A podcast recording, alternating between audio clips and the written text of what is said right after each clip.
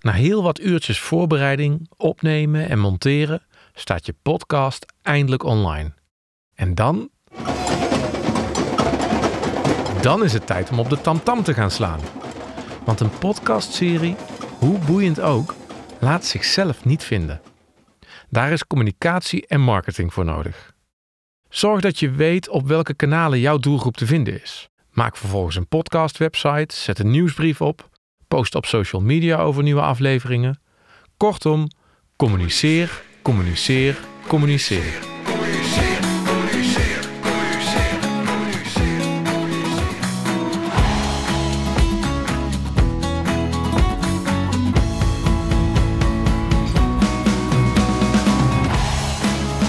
Hey, leuk dat je weer luistert naar Tips voor je podcast met tips en tricks voor podcasters. Met dit keer 5 tips voor het promoten van je podcast. Tip 1. Regelmatig nieuwe afleveringen. De eerste tip gaat gek genoeg niet over het promoten, maar over de afleveringen zelf. De regelmaat waarmee je nieuwe afleveringen van je podcast online zet, is namelijk van invloed op hoeveel mensen er luisteren. Je zult zien dat als je op regelmatige basis nieuwe afleveringen online zet en hier via de voor jouw doelgroep relevante kanalen over communiceert, dat je podcast na verloop van tijd meer en meer luisteraars gaat krijgen. Want hoe meer afleveringen, hoe groter de kans dat je gevonden wordt en luisteraars zich abonneren op je podcastfeed. Tip 2. Publiceer je podcast ook als blog. Hoewel Google steeds beter video's en podcasts kan vinden, werkt de zoekmachine nog altijd het beste met tekst. Voor een betere vindbaarheid van je podcast is het daarom slim om een podcastaflevering ook om te zetten in een online artikel of blogpost. Heb je bijvoorbeeld iemand voor je podcast geïnterviewd? Verzamel dan de belangrijkste quotes en verwerk ze in een interviewartikel dat je op je website publiceert. Bij het artikel doe je dan de link naar de podcastaflevering, zodat mensen daarna door kunnen klikken. Tip 3. Gebruik meerdere kanalen en gebruik ze vaak. Ik begon deze aflevering al met Communiceer, communiceer, communiceer. ja, ja, jongens, nou weten we het wel. Maar toch, ik bedoel het echt letterlijk. Zet meerdere kanalen in om je podcast onder de aandacht te brengen bij potentiële luisteraars. Gebruik je website, zet het in je nieuwsbrief of start er eentje als je er nog geen hebt. Post het op social media. Maar kijk ook naar de kanalen van anderen. Is er bijvoorbeeld een relevante vaknieuwsbrief waar een bericht over jouw podcast zou passen? Daarnaast zit de kracht in herhaling.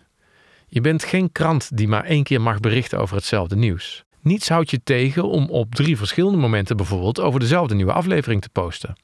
Hou het dan voor je trouwe volgers wel interessant door af te wisselen in de vorm van je post. Nog een extra social media tip: maak een videopost voor je aflevering.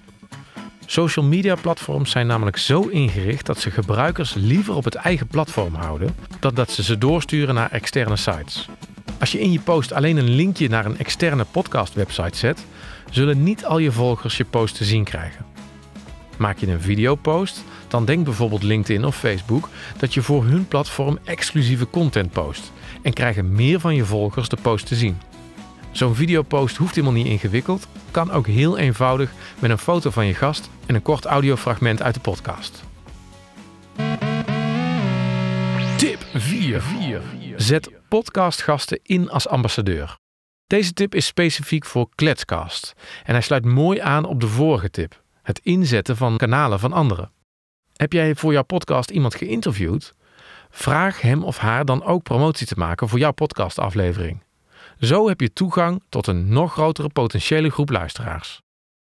Maak het je gasten dan makkelijk door een soort pakketje voor ze te maken met een posttekst, een afbeelding en de te gebruiken links. Bijkomend voordeel van dat pakketje, zo hou je ook nog een beetje de regie op hoe het naar buiten gaat. Tip 5. Leer van je data. Als je al een tijdje bezig bent en meerdere afleveringen online hebt staan, duik dan eens in de podcast analytics. Wat kun je leren van deze data? Welke afleveringen worden bijvoorbeeld het beste beluisterd? Dat geeft misschien input voor welke topics het meeste luisteraars opleveren.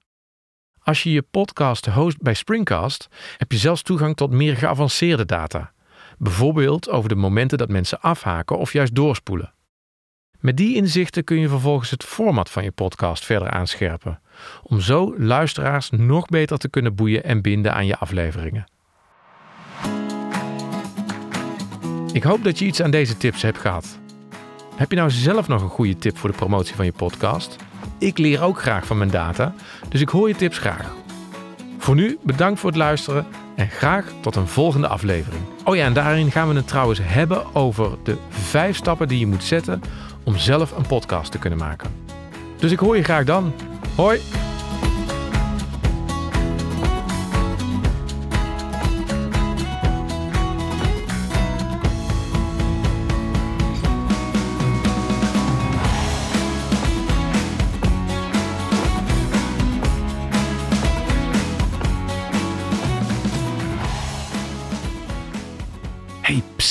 Ben je er nog? Nog één ding. Heb jij alles op tipsvoorjepodcast.nl gekeken? De website van deze podcast? Daar vind je naast links naar alle podcastafleveringen ook blogs en artikelen met tips voor jouw podcast. En je vindt er mogelijkheden voor training en cursussen voor als je extra ondersteuning zoekt bij het starten met je eigen podcast. Neem eens een kijkje op tipsvoorjepodcast.nl. Nou ben ik echt weg hoor. Doei!